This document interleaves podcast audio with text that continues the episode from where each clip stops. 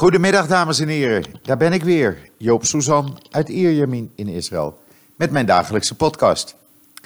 Ja, even een dienstmededeling vooraf. Ik zal het uh, maar zeggen. Ik ga er even een, uh, een weekje tussenuit. Uh, het werd eens een keer tijd na twee jaar en alle toestanden, ellende, overlijden van mijn partner, et cetera, et cetera. en ik ga er nu even een weekje tussenuit. Dus dit is uh, even de laatste podcast tot volgende week woensdag. Dan ben ik uh, ijs- en wederdienende weer bij u terug. Maar ik wil even mijn hoofd schoonmaken, eens even mijn gedachten op nul zetten. En eens even wat andere mensen zien en een ander landschap zien. Dus ja, uh, ik hoop dat u dat niet zo erg vindt denk een weekje kunt u mij wel missen. Uh, en dan, uh, dan kom ik weer helemaal verfrist uh, terug. En dan, dan gaan we er weer vrolijk tegenaan. Want het wordt druk de komende twee laatste weken van de maand. Want we hebben de Holocaustconferentie in Israël, waar koning Willem-Alexander ook bij is. En ja, daar ben ik natuurlijk ook bij aanwezig. Ik heb de accreditatie al. En ik hoop uh, u daarvan verslag te kunnen doen. Uh, en dat zullen drukke dagen ook worden, maar wel leuk natuurlijk. Dus ik vond dat een goed moment om voor die tijd eventjes uh, een weekje eruit tussenuit te gaan. dat betekent, ik vertrek donderdagmorgen heel vroeg in de nacht. En dan ben ik dinsdag weer terug.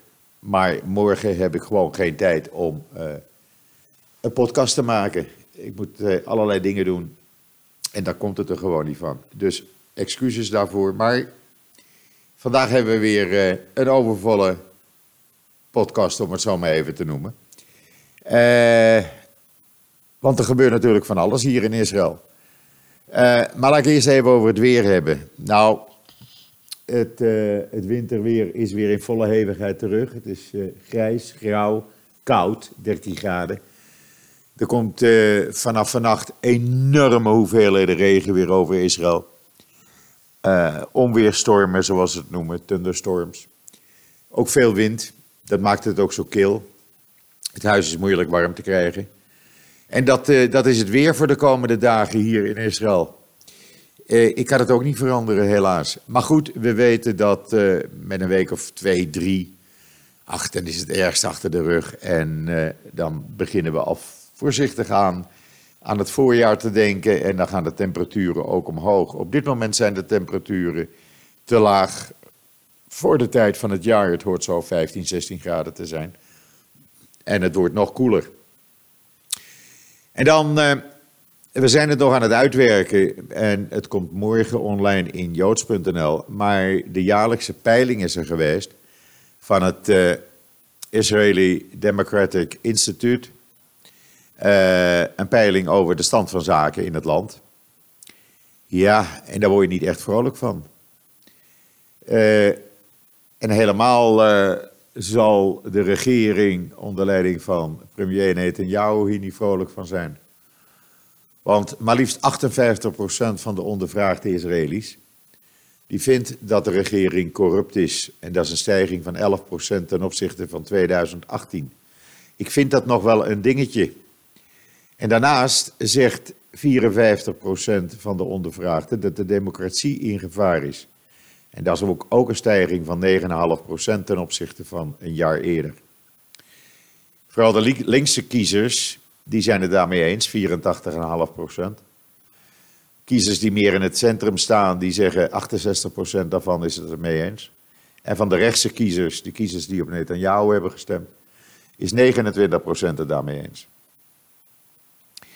Daarnaast, uh, slechts 30% van uh, de Israëlische Joden, die uh, vertrouwen de Knesset, dat is natuurlijk niet veel, 30%. 24%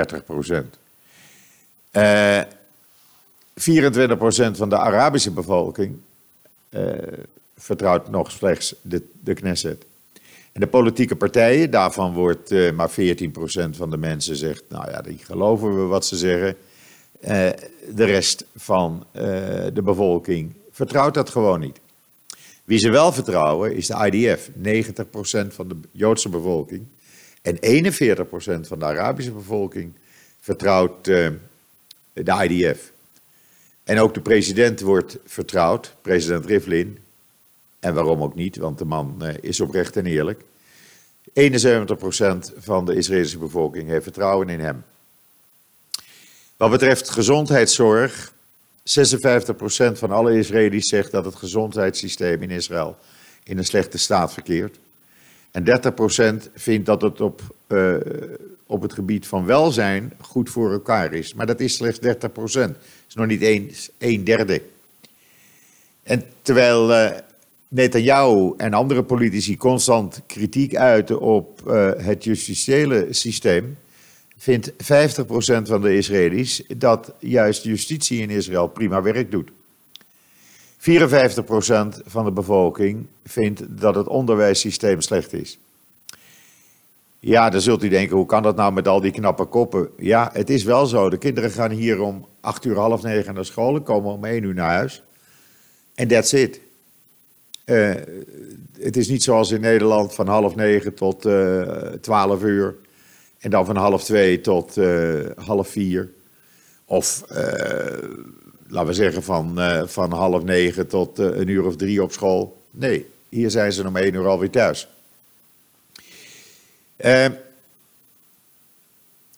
ja, president Rivlin die zegt, we moeten ons allemaal zorgen maken. Omdat het erop lijkt, zegt hij, dat Israël in een neerwaartse spiraal is terechtgekomen. En dat het land zich in een problematische en zelfs gevaarlijke situatie uh, bevindt. Ja, ik ben het hem, uh, met hem eens, want dit zijn natuurlijk hele slechte cijfers.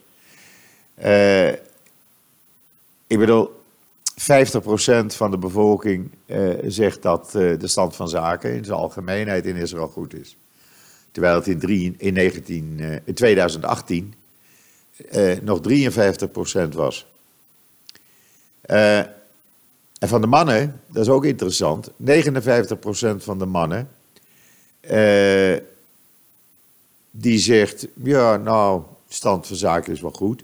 42% van de vrouwen zegt, het is goed. Ja, het zijn, het zijn cijfers die, ja, die je niet hoopvol stemmen. Want 30% van de Joodse bevolking in Israël, ja, die vindt dat de overheid ja, nog wel te vertrouwen is, 30 procent. En dat is natuurlijk niet veel. Wat de regering hieraan gaat doen, ik zou het niet weten, maar men moet er wel iets aan gaan doen natuurlijk, want dit zijn hele slechte cijfers. Men is het ook zat, gewoon elke keer weer verkiezingen en weer verkiezingen en de derde verkiezingen op uh, eh, 2 maart en er zal weer niks veranderen. En het gekissenbis blijft. En dat is natuurlijk helemaal niet goed, dat is geen goed teken. Iets anders, iets totaal anders, is een video die u op joodse.nl kunt zien, waarbij een auto 25 minuten door het drukke verkeer van Jeruzalem rijdt. En die auto wordt niet bestuurd. Het is een nieuw uh, project van Intel. Intel heeft Mobileye gekocht, dat weet u, een paar jaar geleden voor 15 miljard dollar. En Mobileye heeft in plaats van allerlei sensoren, gebruiken ze 12 camera's. Uh, met een computersysteem natuurlijk, gevoed door Intel uh, uh, chips. En ja, die auto, het is, het is ongelooflijk. Het is echt verbazendwekkend.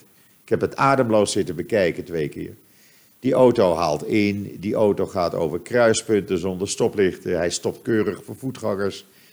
Ja, hij doet alles wat je als normale automobilist ook zou doen.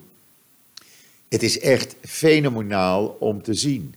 En het wordt ook heel duidelijk weergegeven in die video middels een kaartje. Echt heel apart. Ik zou u aanraden, ga dat zien. Want ja, de toekomst uh, die komt er nu wel snel aan. Of het dat autorijden leuk maakt, ja. Ik hou zelf van autorijden, maar ik moet u eerlijk zeggen, eh, de drukte, nou, dat hoeft voor mij niet meer ontspannen. Zit je niet meer in een auto. En als dat kan worden overgenomen door een zelfrijdende auto, die alles, alle handelingen zelf doet. Ja, waarom ook niet? Als dat de toekomst is, Nou, dan zou het verkeer wel eens heel veilig kunnen gaan worden. Vooral op het moment dat alle auto's met dit soort uh, apparatuur is uitgerust. Heel bijzonder, ik zou u aanraden nogmaals, kijk die foto even. En dan dat de IDF uh, gehandicapten in dienst heeft, dat mag algemeen bekend zijn. De IDF is een van de, ik denk de enigste uh, leger in de wereld, waar geestelijk en lichamelijk gehandicapten toch uh, hun dienstplicht kunnen vervullen, als ze dat willen. En nu is er een, een gezamenlijk project, dat heet Special in Uniform. En dat is speciaal in uniform dus, heet dat, vrij vertaald. Dat is een project van de IDF en de organisaties Lend a Hand to a Special Child en uh, het Joods Nationaal Fonds in Amerika.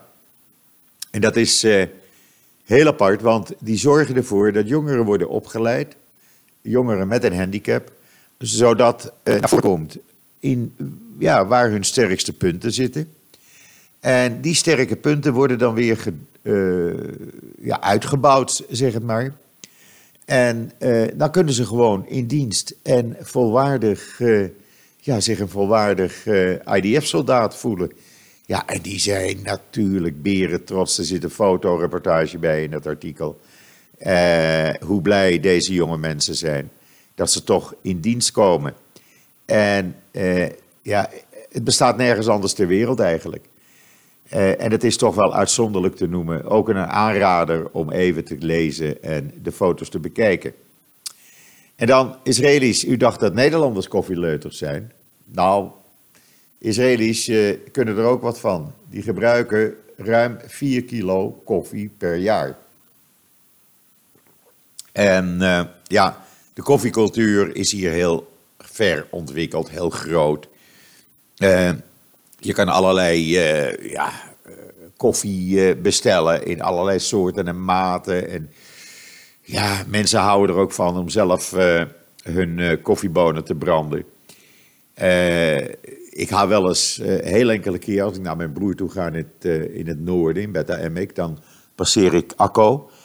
En op de markt in Akko, de Arabische markt, de Shuk, daar zit een koffiehandelaar die, uh, ja, waar je de koffie uit, uh, uit de koffiezakken, de koffiejutes, koffiezakken haalt. Die, die, die heeft hij niet in doosjes of in vakken liggen. Nee, gewoon in de zakken zoals hij het aangeleverd krijgt. En je kan dan mengen, koffiebonen. En uh, zelf je eigen melange samenstellen. En hij adviseert je daar ook in. En dat is heel apart, want dan heb je ook een heerlijke koffiesmaak. Eigenlijk de, je eigen koffiesmaak, laat ik het zo maar zeggen. Uh, ik koop altijd Arabica, dat meng ik met uh, wat andere Zuid-Amerikaanse koffiebonen. Maar Arabica is dus de meest gedronken koffiesoort hier in Israël. Dan weet u dat ook weer. Lees het maar op uh, JoodsNL. En dan weer een, uh, ja, iets, iets opzienbarends eigenlijk. Althans, zo wil ik het toch wel noemen. Uh, een vaccin wat oorspronkelijk is ontwikkeld om tuberculose te behandelen, kan in ieder geval positieve resultaten hebben voor mensen die risico lopen op de ziekte van Alzheimer. De Hebreeuwse Universiteit van Jeruzalem heeft dat ontdekt. Uh, Patiënten die uh, worden behandeld met dat eh, TBC-vaccin, die hebben een aanzienlijk lager risico op het ontwikkelen van de ziekte van Alzheimer. Uh, men kwam daar heel toevallig achter. En men is dat dus verder uit gaan testen en uit gaan werken. Men heeft het ook getest op mensen. ja, het blijkt, het blijkt te werken. Uh, als je daar dus uh, de ziekte van Alzheimer mee kan terugdringen, nou dat is natuurlijk al heel wat. Dus weer iets uit Israël waar eigenlijk de hele mensheid alleen maar baat bij heeft. En dan op uh, JoodsNL een fotoreportage over een Israëlische onderwaterfotograaf. Die, ja, zijn specialiteit is eigenlijk het maken van foto's onder water. Om te laten zien wat er gebeurt door de rotzooi die wij mensen in zee achterlaten. Eh, of bewust achterlaten. Bijvoorbeeld bouwafval wat in het water gedumpt wordt. Er zitten foto's bij eh, genomen voor de kust van Curaçao. En dan zie je dus wat eh, bouwafval wat daar gewoon in het water wordt gedumpt. Wat het allemaal aanricht. En dat is, eh, ja, ik vind dat geen plezierig gezicht, maar het mag wel eens eh, getoond worden, vind ik. En die foto's die hebben we dan ook op JoodsNL staan. Hele bijzondere mooie kleurenfoto's, echt waar. Er zit ook een link bij naar zijn website waar honderden andere foto's, bijzondere onderwaterfoto's, te zien zijn. Als u het interesseert, klik dan op die link even. En dan, eh, ja, eh, dan ziet u eh, vanzelf alle foto's. En dan is Egypte kwaad op Hamas. En dan zult u zeggen, ja, waarom zijn ze kwaad? Ze zijn toch vrienden? Nou, meneer Haniyeh mocht eh, de grens over van Egypte, onder voorwaarde dat hij niet naar Iran ging. Dus meneer Haniyeh werd door Egypte doorgelaten, de Ha- Hamas-baas. En wat deed hij? Hij kocht een ticket en ging naar de begrafenis van zijn grote vriend en idool Soleimani. En daar hield hij zelfs toespraken, dus nou heeft Egypte zwaar de pest in. En het is nog maar de vraag of ze hem terug laten keren eh, in Gaza. Ik ben benieuwd wat ze gaan doen. Dan kunt u op mijn timeline zien in Twitter. Er wordt altijd gezegd door de Palestijnen dat ze zo vredelievend zijn. Nou, eh, Palestinian Media Watch heeft even een fotoreportage eh, bij elkaar gezet online. Van het 55-jarig bestaan van de club van Abbas, Fatah. Nou, als je die foto's ziet, dan kan je dus echt niet zeggen dat Palestijnen vredelievend het jaar 2020 zijn ingegaan. Want het zijn alleen maar foto's van gemaskerde en zwaar bewapende jonge Palestijnen die bereid zijn de martelaarsdood te sterven, zolang ze de Zionisten maar kunnen uitroeien. Ja, eh, wat moet ik daar verder op zeggen? Kijkt u zelf maar al die foto's en dan begrijpt u wat ik bedoel. En dan begrijpt u ook, geloof al die praatjes niet. En dan zijn er weer drie jonge mensen blij, want die hebben hun bedrijf verkocht voor 1,1 miljard dollar. Ja, u houdt het, onthoudt, eh, hoort het goed. Eh, het is een internet startup. En ze zijn gespecialiseerd in security van Internet of Things. Eh, Google had daar wat aandelen in, maar het is nu door een eh, privé-investeerders gekocht. Voor maar liefst 1,1 miljard dollar. Dus deze drie jonge, jonge mensen. Die hebben weer een feestje te vieren. Ze zeggen wel dat het bedrijf in Israël blijft en gewoon doorgaat met te doen wat ze altijd deden. En dan eindigde Israël het jaar 2019 met een begrotingstekort van 3,7 Oftewel 12 miljard eh, shekel, oftewel 3 miljard euro wat ze tekort komen. Ondertussen blijft de regering met geld strooien naar ultra-orthodoxe organisaties. Eh, ja, waar komt dat geld dan vandaan, kan je je afvragen. En dan heeft de Sephardische opperrabijn van Israël, die heeft voor een rel gezorgd vanmorgen. Want die heeft gezegd dat de emigranten uit Rusland, dat zijn heidenen die religie haten. Nou kan je dat wel denken en zeggen, maar doe dat dan in een besloten bijeenkomst. Eh, Maar hij deed dat in het openbaar. Dus iedereen over de rode. Natuurlijk Lieberman als eerste, maar ook Netanyahu. Want die ziet natuurlijk ook zijn aanhangers eh, beledigd worden. En ik vind dat ook een belediging. Je kan het niet zeggen. Het is bekend dat 37% van de immigranten niet eh, Joods is. Omdat dat komt door een wet die in de tijd is ingesteld, waarbij werd gezegd: als je, Joodse, als je uit Rusland naar Israël wil immigreren en je hebt Joodse grootouders of overgrootouders, dan ben je welkom. Ja, dan krijg je natuurlijk een aantal mensen die eh, Rusland willen ontsnappen en Oekraïne willen ontsnappen. En die andere Russische staten Sovjet-staten willen eh, ontvluchten. En een beter leven in Israël opbouwen. Nou, dat kan dus. Maar ja, dan heb je natuurlijk een gedeelte wat niet Joods is. Hij kan dat dan wel eh, vinden dat dat niet goed is, maar dan moet je dat nog niet zeggen, want dan beledig je die mensen mee. En dat is geen goede zaak. Uh, wat hebben we nog meer in het nieuws? Ja, uh, de Duitse inlichtingendienst heeft bijvoorbeeld een rapport gemaakt. Uh, en dat is echt een. Ze hebben een taboe doorbroken. Ze hebben een rapport gemaakt over het islamitisch antisemitisme in Duitsland. Nou, dat is nogal wat. U kunt het op mijn timeline zien, daar staat de link. ja, en voor de rest, Ilhan Omar, die heeft een prijs gewonnen. En welke prijs dan wilt u weten? Nou, zij is de grootste antisemiet van 2019. Uh, ik ga haar daar niet mee feliciteren.